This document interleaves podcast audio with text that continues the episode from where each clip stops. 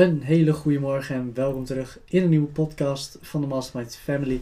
Mijn naam is Frankie en ik zit vandaag met een speciale gast. Eigenlijk zou uh, Lars vandaag in de podcast zijn, maar we hebben de podcast met Lars eventjes verschoven naar een uh, andere dag.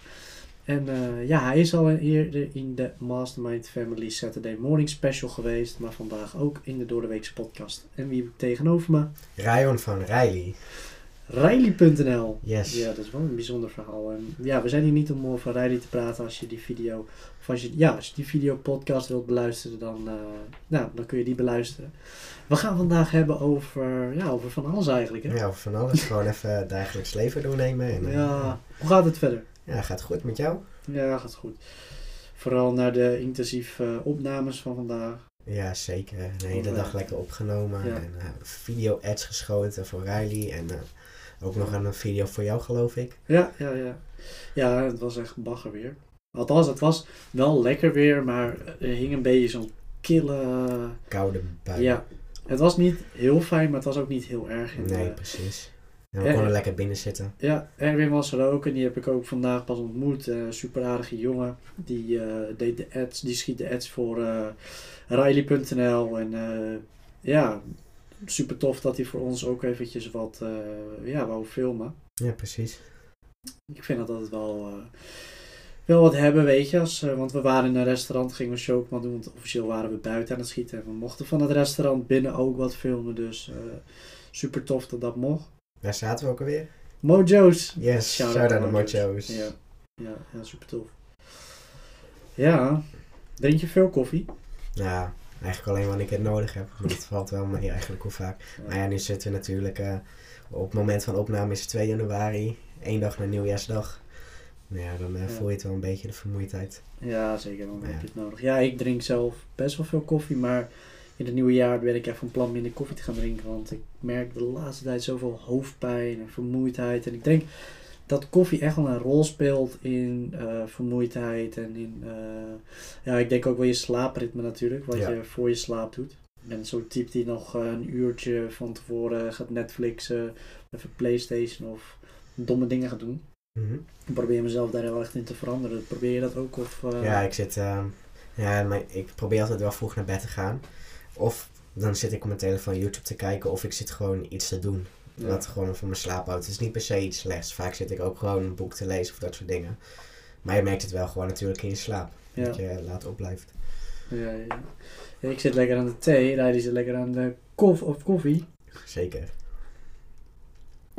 Even opladen naar die koude opnames. Zeker. Shout-out naar uh, Riley.nl, want... Uh, ja, het was leuk. Ik heb uh, wat dingetjes ingesproken voor je. Ik heb je geïnterviewd. En uh, ja, ik zeg, wil je meedoen in de podcast? Eigenlijk zou Las hier vandaag zitten, maar het kwam heel onverwachts dat wij... Uh, want jij appte mij gisteravond, denk ik, van... Hey, wil je meedoen om wat over rijden.nl te zeggen? Ja, precies, ja. Want ik zei Tuurlijk. van, ja, ik ben toch in de buurt. En ik denk, ja, meer zielen, meer vreugd. Ik Frankie ja. even. Kijk wel wat er van komt. En nu zitten we hier, de podcast op te nemen. Ja, heel onverwachts. Eigenlijk zou Las hier zitten. En uh, waarschijnlijk komt Las sowieso vandaag nog.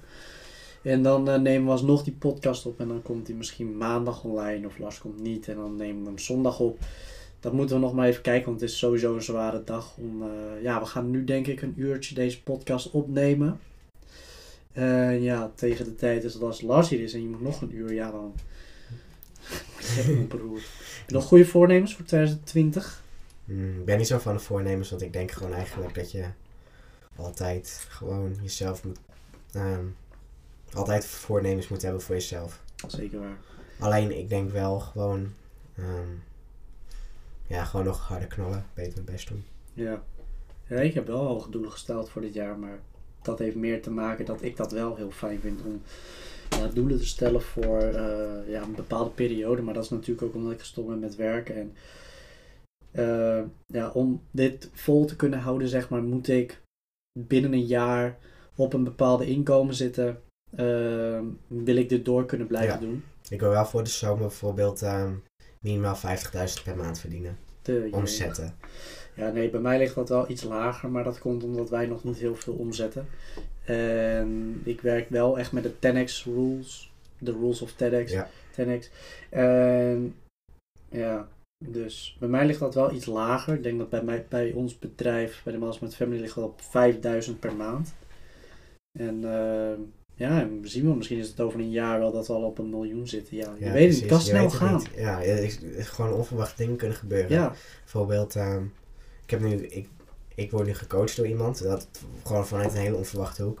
Hij, hij stuurde een bericht via de klantenservice, eh, gewoon op, gewoon, was in eerste instantie gewoon een normaal gesprek te voeren, want hij had, ehm, hij heeft een bedrijf, V-Site, is ook een softwarebedrijf, om eh, webshops te maken en films te maken.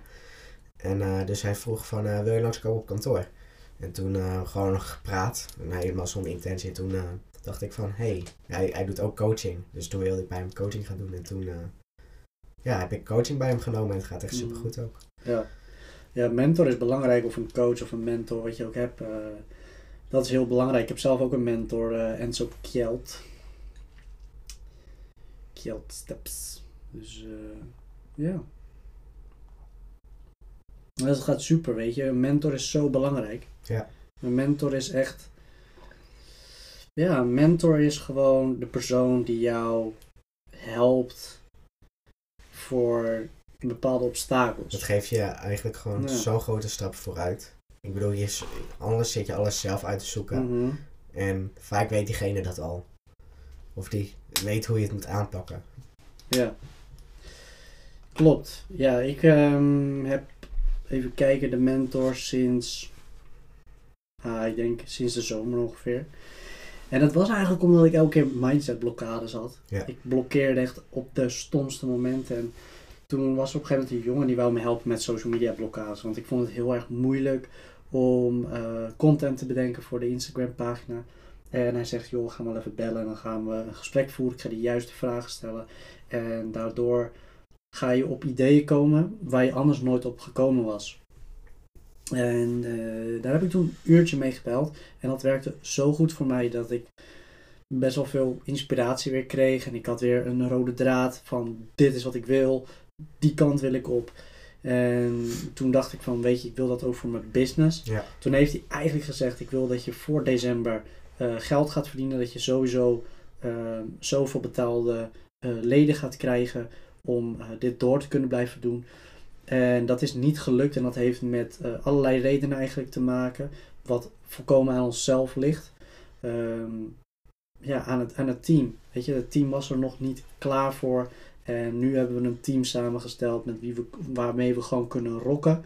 En ja, dus dat, eh, daar zijn we nu mee bezig. Maar weet je, het kan snel gaan. Als je gaat kijken naar 1 april of 31 maart, dan had niemand verwacht dat op 1, 1 april magie zou ontstaan. Mhm. En voor ons is het een heel bewogen jaar geweest, weet je, 2019. En heel veel veranderd. Ja, als je kijkt ook wat we allemaal bereikt met je. Het is Ja. best veel. Ik Ja. bedoel, zeg maar, als je ehm, zelf erop terugkijkt, kijk, denk je in de eerste instantie, er is eigenlijk helemaal niet zoveel gebeurd. Maar als je alles in detail gaat kijken, dan denk je, er is eigenlijk best wel heel veel gebeurd. En het gaat ook heel snel. Je bent superveel veranderd als persoon. Mhm. Ja. Klopt, 100% waar. Ja, ja, ja, je zelfontwikkeling, weet je, die blijft natuurlijk ook continu verbeteren. Ehm, soms merkte ik nog wel eens dat, dat- ik weet niet of jij dat ook hebt, maar dat je soms even een terugval hebt in je, in je mindset. Ja. Dat je gewoon denkt, waar ben ik aan begonnen? En dat je, dat je gewoon niet meer weet waarvoor je het doet. Ja. En dat het lijkt alsof het allemaal verloren is. Maar eigenlijk is dat niet zo. Want dat is net als fietsen. Je leert een bepaalde techniek die, die continu in je zit. Wat ik vooral zeg maar bij mezelf merk is, het is niet per se van ehm, waarvoor, waarvoor ik het doe, want ik weet sowieso dat ik er gewoon mee doorga 100%. Alleen hoe, hoe moet ik ermee doorgaan of wat moet ik nu doen, wat is de volgende stap? En ik merk dat ik daar vaak ehm, heel vaak in vastloop. Ja, klopt. Dat eh, is denk ik een probleem wat eh, bij veel mensen voorkomt. Eh, ik denk dat heel veel mensen eigenlijk last hebben van mindsetblokkades en dat dat ook vaak de reden is van dat mensen stoppen met ondernemen. Vind ik heel zonde eigenlijk als mensen stoppen. Ja. veel mensen trouwens, die verlaten bijvoorbeeld de groep en dan vraag ik altijd, hey, je bent groep verlaten of de organisatie verlaten. Dat merk ik ook in mijn community, ja. Ja. Eh, ehm, is het vaak van ehm, waarom ehm, wil je niet meer verder of waarom eh, heb je geen hulp meer nodig? En dan zeg je ja, ik neem even pauze vanwege dit. Hmm. Of ik stop er even mee, ik neem even afstand af. En dan vraag ik wat ga je dan doen? Ja, ik ga werken. En dan, ehm, nou ja, niet dat er iets mis is met werken natuurlijk. Maar het is wel zonde van je bent begonnen met ondernemen. En je hebt het in je. Iedereen heeft het in zich. Iedereen kan ondernemen, denk Ja. ik. Maar ehm, ja, waarom ga je daar gewoon niet mee door? Ik bedoel, je hebt, zit waarschijnlijk nu wel gewoon in een moeilijke periode. Maar als jij nu al niet weet ehm, door te zetten, hoe denk je dat dan, dat zal zijn in een nog lastigere periode? Als echt iets heel groots gebeurt. Als je een heel groot financieel probleem in je bedrijf bijvoorbeeld hebt. Ga je dan ook opgeven? Opgevers winnen nooit en dat is een eh, belangrijke spreuk die eh, ja, ook hier hangt, weet je, al aan de muur. Van eh, realiseer je altijd, opgevers winnen nooit. En ik denk, als jij opgeeft, dan ben je geen winnaar. En wij zijn winnaars en zullen ook nooit opgeven. En wij geloven gewoon dat er een moment gaat komen dat wij winnen. En ja, die gaat er komen. Weet je. Zeker. En mindset is zo belangrijk. En als jij opgeeft, dan heb je gewoon de verkeerde mindset, weet je. Maar je moet niet vergeten dat, dat zeg ik vaker. Er zijn zoveel mensen die ik spreek die negatieve mensen om zich heen hebben. En het is zo zwaar om jezelf daar doorheen te bonken. Ja. En dan denk ik, maar jij luistert zoveel naar die negatieve mensen. Terwijl de mensen die wel in jou geloven, wel weten dat jij het kan, daar luister je niet naar. Want dat zijn de mensen die, het niet, die, oh, die niet dicht bij je staan. Want dat zijn bijvoorbeeld mensen in de Mastermind Family. Al die mensen geloven dat jij het kan. Ja? Maar als hun zeggen van je kan het, dan, dan, dan luister je niet naar. Maar als twee familieleden zeggen van joh stop ermee, je kan het niet, dan luister je ernaar. Ja. Zoveel mensen luisteren naar de verkeerde mensen. En je denkt vaak, oh het zijn mijn ouders, dus het is het, is het beste advies dat ik kan krijgen. Maar jouw ouders geven soms niet het beste advies. Ze geven advies wat het veiligst is. Ze zeggen de makkelijkste oplossing. Hun, Dat ligt ook heel erg aan de ouders. Je hebt bijvoorbeeld ehm, mijn ouders, die geven mij de ruimte. Ja. Ook al ehm, misschien denken ze wel dat het niet het beste is. Maar je kan bijvoorbeeld als je iemand ruimte geeft om te doen, dan kunnen ze het zelf achterkomen of het best is of niet. Ja. En dan natuurlijk mag een ouder een mening over hebben. Dat, mag, eh, dat mogen ze gewoon uiten. Tuurlijk mag dat. Tuurlijk. En ehm, zeg maar, je leert toch uiteindelijk wel van elkaar. Ik bedoel, het is altijd goed om twee perspectieven mee te nemen. Maar ik heb twee. Mijn moeder is bijvoorbeeld gewoon van eh, ga studeren, ga een opleiding doen of ga reizen of ga werken voor, voor, voor een werkgever. Weet je, ga voor die vastigheid. En vastigheid is echt niet verkeerd. Vastigheid is, het is zo fijn als je vastigheid hebt. En mijn vader is een echt ondernemer. Mijn vader zegt, joh Frank, eh, je bent nu eh, eh, 22 jaar oud. Eh, als je straks 30 bent, is er een hele kleine kans dat je dit nog gaat doen. Doe het nu. Je, je bent nog jong. Mhm. En soms klinkt 22 oud. Of in ieder geval, je denkt vaak van... eh, maar in ondernemerswereld ben je echt jong.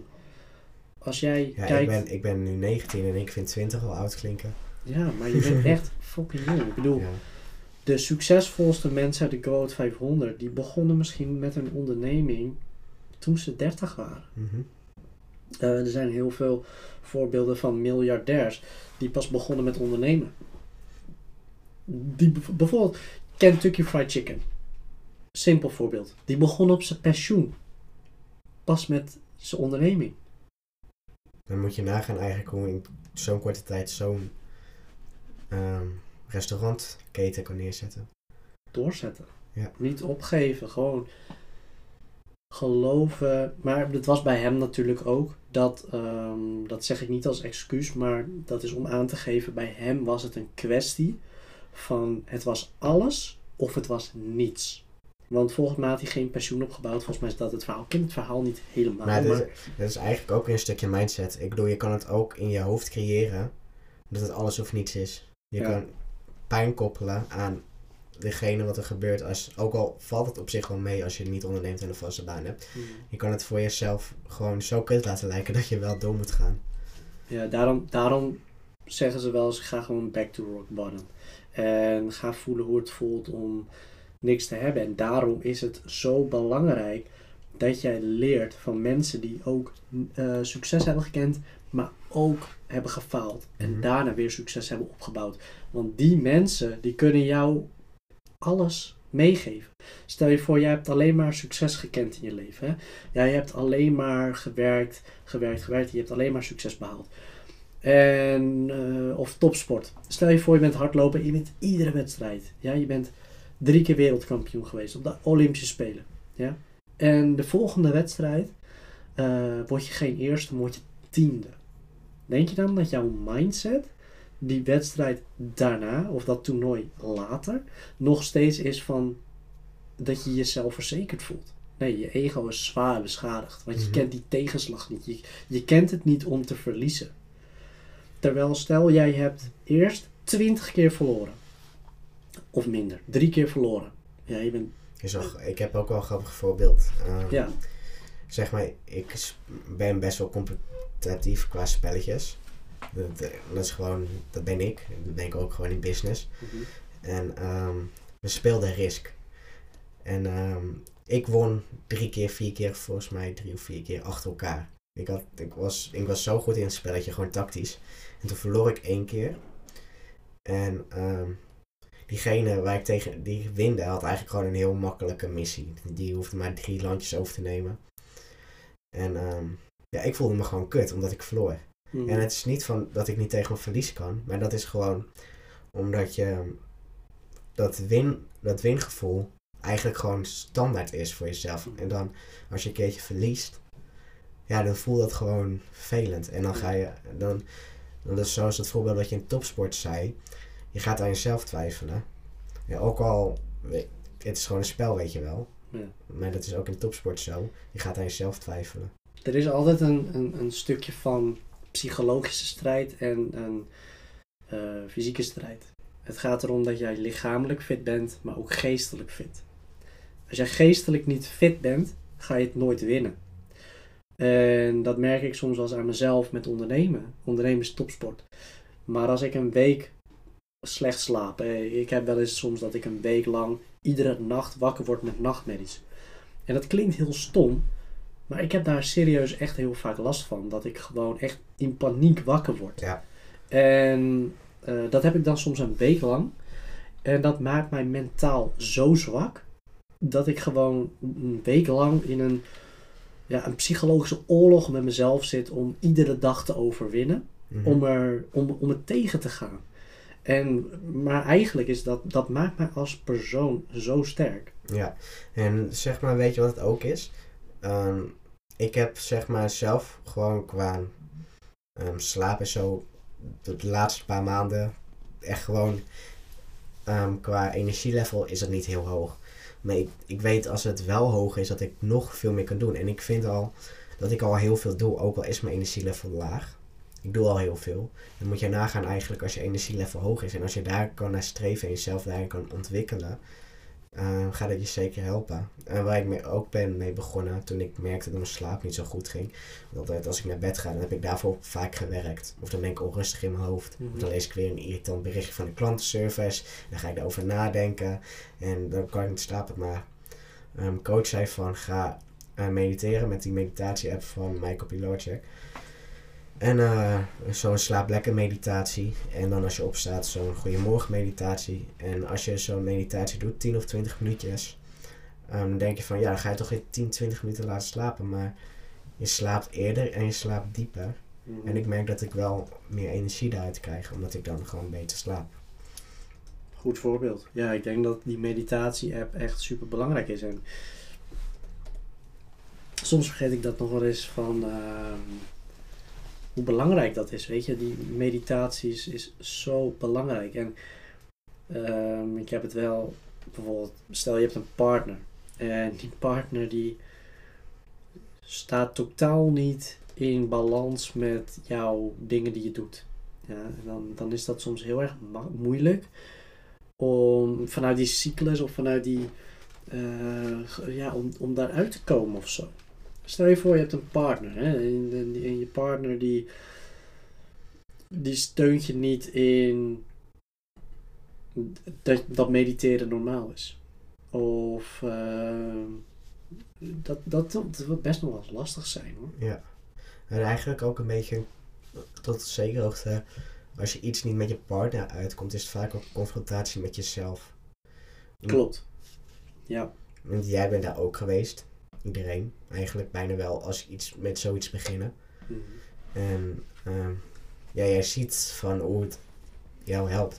Maar als je denk ik met je partner gewoon daarover kunt praten en accepteert van elkaar dat, je, dat je het zo zien, dan blijf je alsnog voor elkaars ideeën openstaan. Ook al hoef je niet met elkaar meteen mee eens te zijn. En dan ehm, kan jij gewoon je eigen ding blijven doen. Ook al denkt iemand anders zo, zonder dat je daar persoonlijk aangevallen of tot voelt. Ja, een goed voorbeeld.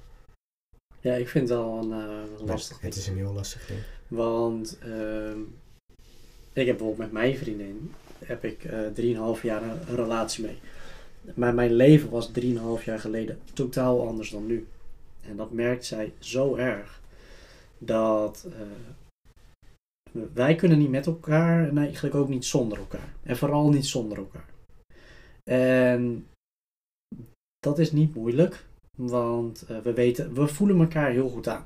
Als mensen, het is een grappig voorbeeld, als wij met mensen zijn, dan hebben wij gesprekken en dan denkt iedereen, waar hebben ze het over? Waar hebben ze het over? En wij begrijpen elkaar en wij voelen elkaar aan en mensen denken van, nou ik weet het niet, maar het is best wel, best wel iets grappigs, weet je wel. Mhm. En dan zeggen mensen, nou ik weet niet waar jullie er al over praten hoor, Ja. maar het is wel een grappig voorbeeld, weet je. Wij zijn, wij zijn zo op elkaar ingespeeld en soms is het wel eens lastig, weet je. Ik, moet, ik ben echt totaal geen planner. Eh, ik probeer wel goed dingen te plannen. Maar omdat ik zo bezig ben met voor mezelf dingen te plannen, vergeet ik dat heel vaak tegen haar te zeggen. Ja. En zoals nu, vandaag hebben we deze dag helemaal gezegd van oké, van 's morgens vroeg tot 's avonds laat ben ik bezig. Heb ik nergens tijd voor. Dan accepteert ze dat. Dan heeft ze daar zoveel begrip voor. Dan support ze mij. Dan, als ik er dan zie, geen probleem. Weet je, doe je ding. Maar stel, ik vergeet het een keer te zeggen. Bijvoorbeeld eh, zaterdagochtend zegt ze van... joh, eh, zullen we vandaag eh, daar en daarheen? Want ik heb gehoord dat het, dat het daar best leuk is. Ja, sorry, maar ik moet de hele dag filmen. Ja. Hé, wat? Hoe dan? ja, communicatie is heel belangrijk. Ja, zo En- belangrijk. Zeg maar, ehm, wat ook helpt dan is om structuur te hebben. Bijvoorbeeld, ehm, spreek sowieso altijd een tijd af, ook al heb je druk, om gewoon met elkaar te zijn.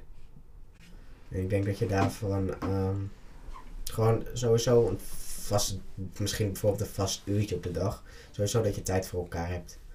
En ik denk dat dat daarin ook wel helpt. Ik weet het, ik ken jouw relatie verder natuurlijk Nee, niet. nee, dat snap ik. Maar wat je zegt klopt wel. Want ehm voorheen werkte ik natuurlijk. En dan werkte ik bijvoorbeeld van vijf uur 's avonds tot half twee 's nachts.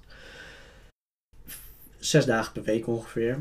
En dan onderneem je ook nog zeven dagen per week. Maar in de tijd dat je vrij bent, ben je normaal gesproken bezig met, eh, ja, eh, zeg dingen zoals eh, video's opnemen, Mhm. podcast opnemen of ehm, content maken, meetings bijwonen. En dan werkte ik normaal overdag van half negen 's ochtends tot vijf uur 's middags. En dan vanaf vijf uur ging ik naar mijn werk toe. En dan werkte ik tot half twee. Dus dan was ik bijna de hele dag aan het werk. Zo zag mijn leven eruit. En als ik weekend had, dan werkte ik van 's morgens vroeg tot 's avonds één dag. En die andere dag was ik helemaal vrij. Maar omdat je zo in je werkritme zit, je bent zo gefocust op je business. Ik kon nergens anders meer aan denken. Ik was alleen maar gefocust op mijn business. Op een gegeven moment was het zo erg. Ik, ik vroeg dat, weet je wel. Ik, iedereen heeft dat hij ergens een hele dag mee bezig is. En je weet het, een ondernemer denkt de hele dag aan zijn business. Je kan niet denken van, eh, oh vanavond ga ik lekker voetballen. En dat je dan de hele tijd verheugt op het voetballen. Mhm. Ik, had, ik was continu met mijn business bezig. Ik was continu een meeting in mijn hoofd aan het voeren met mezelf. was continu mezelf aan het triggeren. eh, de hele tijd bezig Ja. met naar mezelf te luisteren. En daar word je ook heel moe van. Maar als ondernemer ben je er continu mee bezig. Klopt. En dan was het op een gegeven moment... Sorry hoor, zeg maar. Nee, zeg maar wat ik. ehm, ik heb dat ook gemerkt. Dat Vooral, dat merk je echt gewoon vooral heel erg op het begin natuurlijk.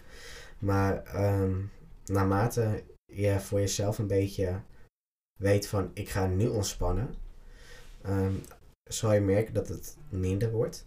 Of dat merkte ik in ieder geval bij mezelf. En eh, mij alsnog, bijvoorbeeld ik ging een met wat vrienden ging ik hier naar eh, de bioscoop in Alkmaar. En eh, gingen we uit eten. Eerst gingen we bij een pizza eten. En ehm, toen dacht ik, oh, lekker ontspannen, weet je wel. Of ik even nergens aan te denken. Maar op een, een of andere manier kwam toch mijn bedrijf ter sprake. Want zij zijn ook geïnteresseerd. Ja. En dan, dan moet je toch accepteren ook gewoon dat je het ehm, niet kan ontlopen bijna. Mhm. Ook al, Ja. zeg maar, ehm, is het maar vijf minuutjes of zo. En dan is het gewoon interesse vanuit hun. Maar ja, het is gewoon, het hoort gewoon bij het leven. Net als eigenlijk dat mensen met elkaar over hun werk praten. Ja, maar wat jij zegt, ik heb dat bijvoorbeeld zelf ook een keer gehad. Eh, mijn familie wordt bijvoorbeeld gek dat ik altijd over mijn onderneming praat. Daar kan ik niks aan doen, dat is gewoon mijn passie. Maar een keer, mijn moeder was jarig, zing bijvoorbeeld. Eh, mijn vriendin en ik gingen erheen.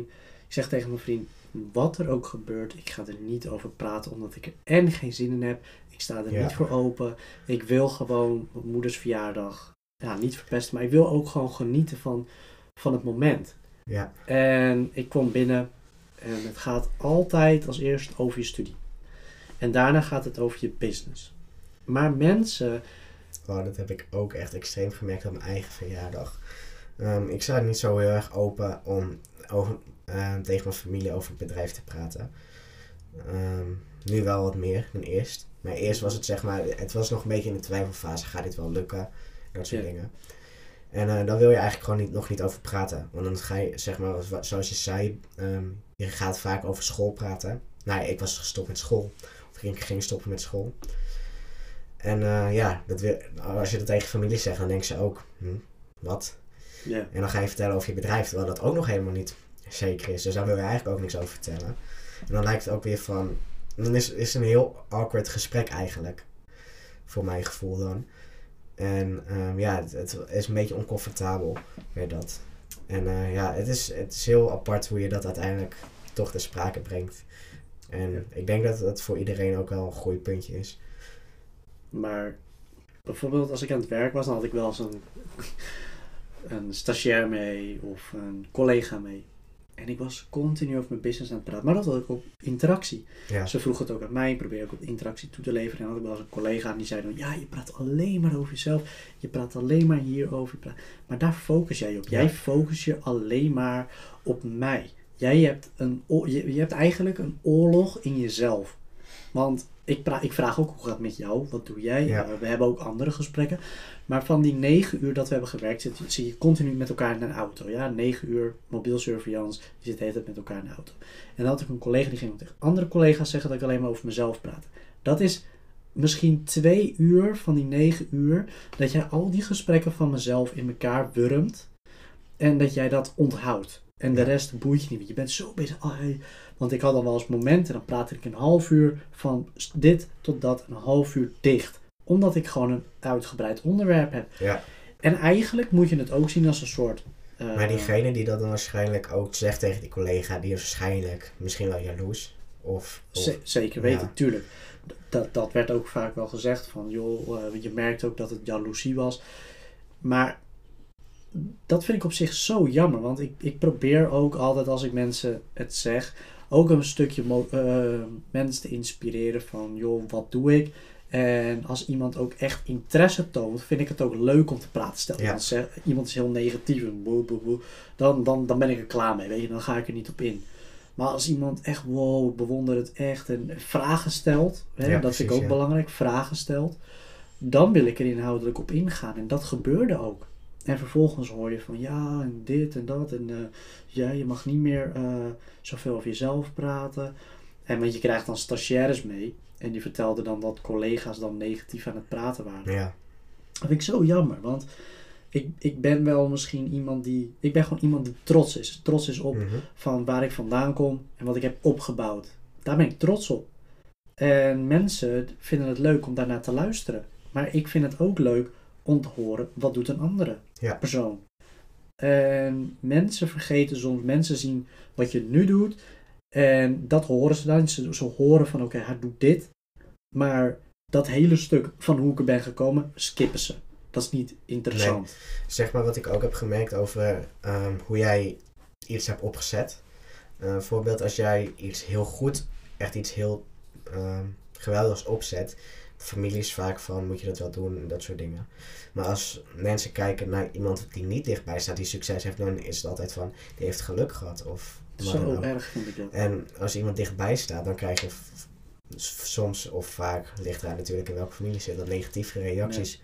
Maar het komt omdat ehm, dan vallen al die excuses weg. Want zij komen vanuit dezelfde plek als jij. Ja, ja, ik vind het... eh, En dan doet het pijn bij diegene waarschijnlijk. En dan zien ze zichzelf en dan, ja, dan gaan ze leugen doen. Ja, ja, het was ook vaak van eh, mensen, niet zozeer nu collega's, maar gewoon mensen die vroegen ook van hoe kan ik mijn bedrijf opstarten. En, want een bedrijf opstarten, ja, ga naar de KVK, schrijf een formuliertje, je bent ondernemer. Maar ja, mijn vader vandaag, die zegt ook van je kan naar de KVK gaan, je schrijft je in, je bent ondernemer. Maar succes moet je creëren. Eh, maar wij moesten ons inschrijven bij de Kamer van Koophandel omdat ons bedrijf een succes werd. En dat kan ook. Want je kan ondernemer worden en dan een succes maken. Maar het kan ook zijn dat je iets bouwt zonder de intentie om een bedrijf van te maken. Maar het wel moet omdat je de successen behaalt, zodat je er een bedrijf van moet maken. Ik maak er wel eens het grapje. Zeg maar, nu is het natuurlijk, gaat het niet meer echt op. Maar ik zei van, je bent pas ondernemer. ehm, als je buiten de kleine ondernemingsregeling valt en eh, btw moet betalen in plaats van dat je het krijgt. Ja. En dat was wel, dat was altijd een grapje van mij, maar er zat eigenlijk ook wel ergens een kern van waarheid in, denk ik. Mhm. Het is niet per se van, je verdient al geld, maar ik bedoel, je bent wel goed op weg. Ja. En zeg maar op het begin, als je bij de KVK inschrijft, iedereen kan dat. Ik bedoel, je hebt 50 euro nodig, een idee, en je, je, bent, je hebt een bedrijf. Ja. ja, ja. Mensen denken er zo simpel over. Of nee, mensen denken er zo ingewikkeld over. Van, ik vind dat het mooi als mensen bijvoorbeeld starten met een onderneming. Dan zijn ze zoveel obstakels aan het maken voor zichzelf. Dat ik denk, stel je voor je gaat nu naar Spanje rijden. Dan ga je toch ook niet denken wat de risico's zijn van wat er kan gebeuren met je auto. Dan, rij je, dan stap je in, je gaat rijden en je ziet al waar je komt. Ja. Weet je wel? Je gaat toch niet denken, oh, oh, straks krijg ik een klapband. Oh, straks valt mijn auto uit elkaar. Oh, straks sta ik zonder benzine. Oh, straks schiet ik de stoel uit. Snap je die verhouding? Waarom stap je wel in een auto en neem je het risico dat je dood kan gaan in de auto? Kan je zelfs doodgaan? Mensen zijn overlevingsdieren. Hè? Mensen zijn ervoor om eh, ge- gemaakt dat ze gevaar ontwijken. Maar ze voelen zich wel comfortabel in een auto en rijden 1500 kilometer met alle gevaar voordien. Ja? Maar een risicootje nemen van je inschrijven bij een Kamer van Koophandel. Maar dat is zeg maar, net als eigenlijk als je eerste autorijles hebt. Je wordt comfortabel gemaakt in, ehm, De setting. Ja, in, in de rijlessen. Want het duurt eventjes voordat je echt comfortabel achter het stuur zit. Vaak ook gewoon nadat je rijbewijs hebt. Maar dat is eigenlijk hetzelfde. Je, een rijles, je eerste rijles is ook uit je comfortzone. En het- je maakt het jezelf Ingewikkeld. ehm, uiteindelijk eigen, het rijden. Ja, oh, sorry. Ja, dat is ook zeker waar. Ja. En eigenlijk, is het het, eigenlijk is dat gewoon een kleinschalig voorbeeld. Wat overal in het leven terugkomt. Mensen zeggen dan van geld interesseert me niet en eh, ik ben niet geldbewust. Maar als ik nu zeg leg 1000 euro in en je hebt 1% kans dat die zich verdubbelt. Of nee, 50% kans dat die zich verdubbelt. Dan doen ze het niet. Dan doen ze het niet. Maar als ik zeg, eh, bijvoorbeeld stel, je kan, eh, John de Mol heeft ooit het voorbeeld gegeven, als ik nu een programma ga beginnen en ik laat 100 mensen parachute springen. En één parachute gaat er niet open. Maar iedereen die het overleeft, krijgt 1 miljoen euro. dan zouden, dan zouden er heel veel aanmeldingen voor komen. Mensen zijn bereid om het te doen. Terwijl dan hun leven op het spel staat. Maar als ze een business moeten opzetten met nul risico, je hoeft geen geld te lenen. Zoals ons, wij lenen geen geld. Wij lopen geen risico. Dan is het allemaal, nee, doe het niet, het is gevaarlijk. En waarom zou je je tijd eraan verspillen? Waarom zou je voor een fucking baas gaan werken, ja, terwijl je niks opbouwt? Het enige wat je doet is hem helpen om in een Ferrari te kunnen rijden, om in een Lamborghini te kunnen rijden. Waarom zou jij niet die persoon worden? Waarom? Ik snap het niet. Ik snap het oprecht niet. Ja, ik, ik snap het denk ik wel. Ik zeg maar niet iedereen voelt die drang om dat te hebben. Ja, maar dat vind ik zo tegenstrijdig. Maar waarom koop je dan wel een staatslot? Waarom ga je dan wel meedoen met de postcode loterij? Dus zeg maar, um, er was een filmpje op zondag met Lubach. Er was een um, filmpje wie nou eigenlijk het meeste geld spendeert aan staatsloten. De, um, de laagste inkomenklasse spendeert het meeste geld. En daarna uh, komt het wel gewoon overeen met hoeveel je verdient, hoeveel je uitgeeft aan staatsloten. Maar oh, dus de laagste inkomstenklasse spendeert het meeste geld. En dat is, um, zijn vaak de mensen die al waarschijnlijk heel leven op één plek wonen, niet zoveel bereikt. En um, ja, dat, dat is weer een andere groep. Dat is dan de lage klasse. Maar de ja. middenklasse, heel veel mensen zijn daar tevreden met wat ze hebben. En ik kan me dat ook wel voorstellen hoor. Niet, niet iedereen heeft die drang om dat geld te hebben. Of heel veel mensen vinden het ook fijn om voor een baas te werken. En ik, ja, weet je, dat, dat mag ook gewoon. En dat is niet per se iets slechts, denk ik. Als iemand in mijn inner circle uh, de loterij wint, dan hoef ik, en, en diegene zou mij het geld aanbieden, dan is het een ander verhaal. Weet je, stel, hij, hij, maar geef het gewoon aan een goed doel. Als je mij geld geeft, geef het aan een goed doel. Ik hoef het niet.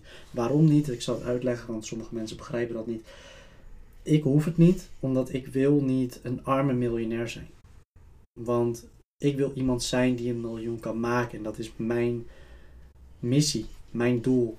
Ik weet niet. Ik denk dat ik het zelf wel zou accepteren. Maar ik denk niet dat ik het zou uitgeven. Maar zou investeren in een bedrijf. Of ligt eraan natuurlijk in welke fase ik zit. Of misschien ergens in vastgoed of wat dan ook. Mm -hmm. En ik denk dan vanuit het perspectief dat ik daarna nog meer kan verdienen en nog meer goed kan doen. Ja. Ja, ik hoop dat ik gewoon creatief genoeg ben om in mijn leven uh, 20.000 keer zoveel te verdienen dan de, het maximale wat je bij de loterij kan winnen. En ik zal er alles aan doen dat het me dat gaat lukken. En dan zal ik, ja, dan zal ik veel positievere dingen doen. Ik denk dat je ook niet eens de loterij moet willen winnen. Want als je hoort wat, dat als je de loterij wint, wat er allemaal bij komt kijken. Dat je adviseurs niet kan vertrouwen. Dat je mensen toegeleid krijgt die alles doen voor, voor eigen succes. Ja.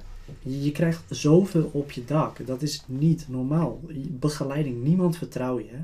Je kan niemand vertrouwen. Mensen gaan raar doen. Als ik nu zeg tegen mijn inner cirkel, ik heb 50 miljoen verdiend. Dan zijn er gewoon mensen bij die over lijken gaan. Die het ervoor over hebben om mij te naaien. Om 30 miljoen mee te nemen. Ja. Stel je voor, ik vind 50 miljoen. Ja, kijk, weet je, je hebt altijd dat soort mensen. En ehm, stel voor de luisteraars die ooit de loterij winnen. ehm, ik zou ze aanraden om gewoon een deel op een beleggersrekening te zetten als je niet weet wat je mee kan doen. Op zoek gaan naar adviseurs. Doe je eigen research eerst. En blijf bij jezelf. Ja. En dat is vooral echt heel belangrijk. Blijf bij jezelf. En probeer niet ehm, naar mensen die dan in één keer naar je toe komen te luisteren. En ik denk als je bij jezelf blijft, dan, dan irriteert het je uiteindelijk ook niet meer. Al die mensen die dan een hapje mee willen eten.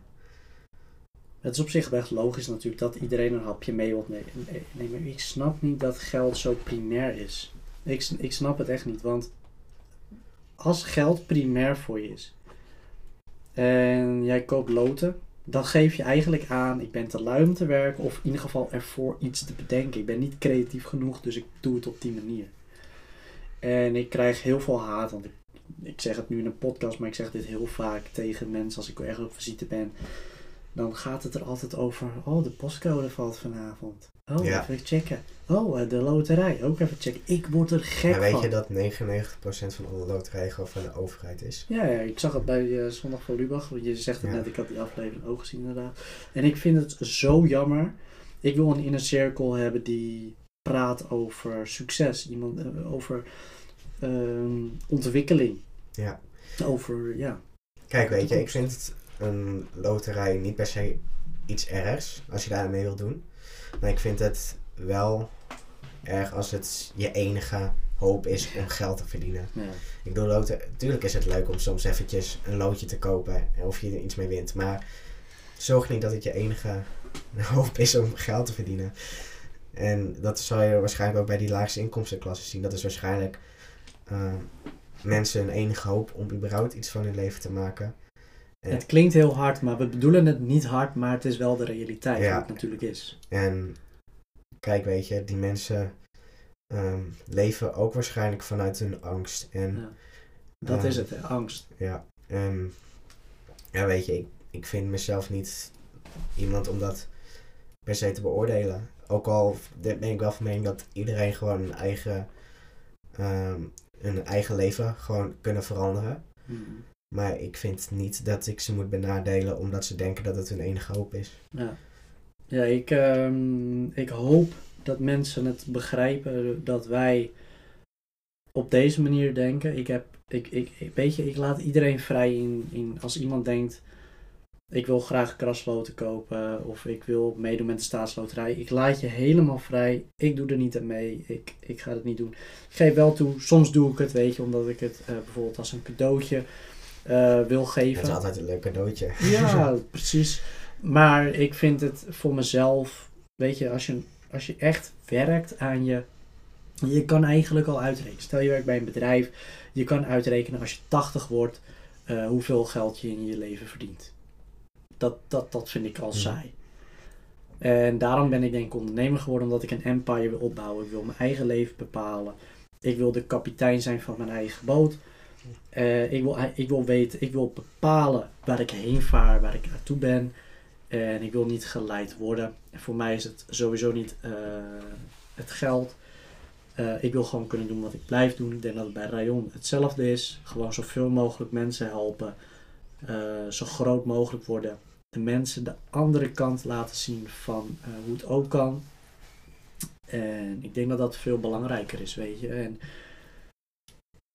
Kijk, ja. zeg maar, ehm, ik heb ten opzichte van de ondernemers zoals Charuan, heb ik soms nog wel iets andere denkbeelden qua van, bijvoorbeeld zijn advertenties zijn heel erg, ehm, kunnen heel erg persoonlijk worden opgevat naar mensen die die advertenties zien.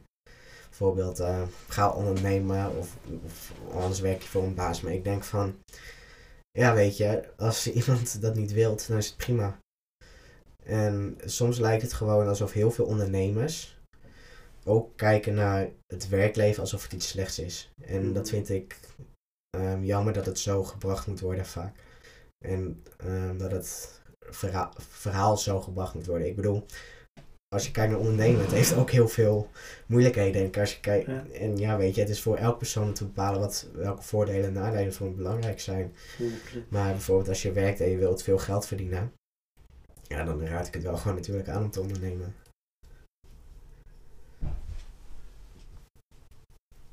Was weer bezig. Dus ja. Nee, ehm, ik snap wat je bedoelt.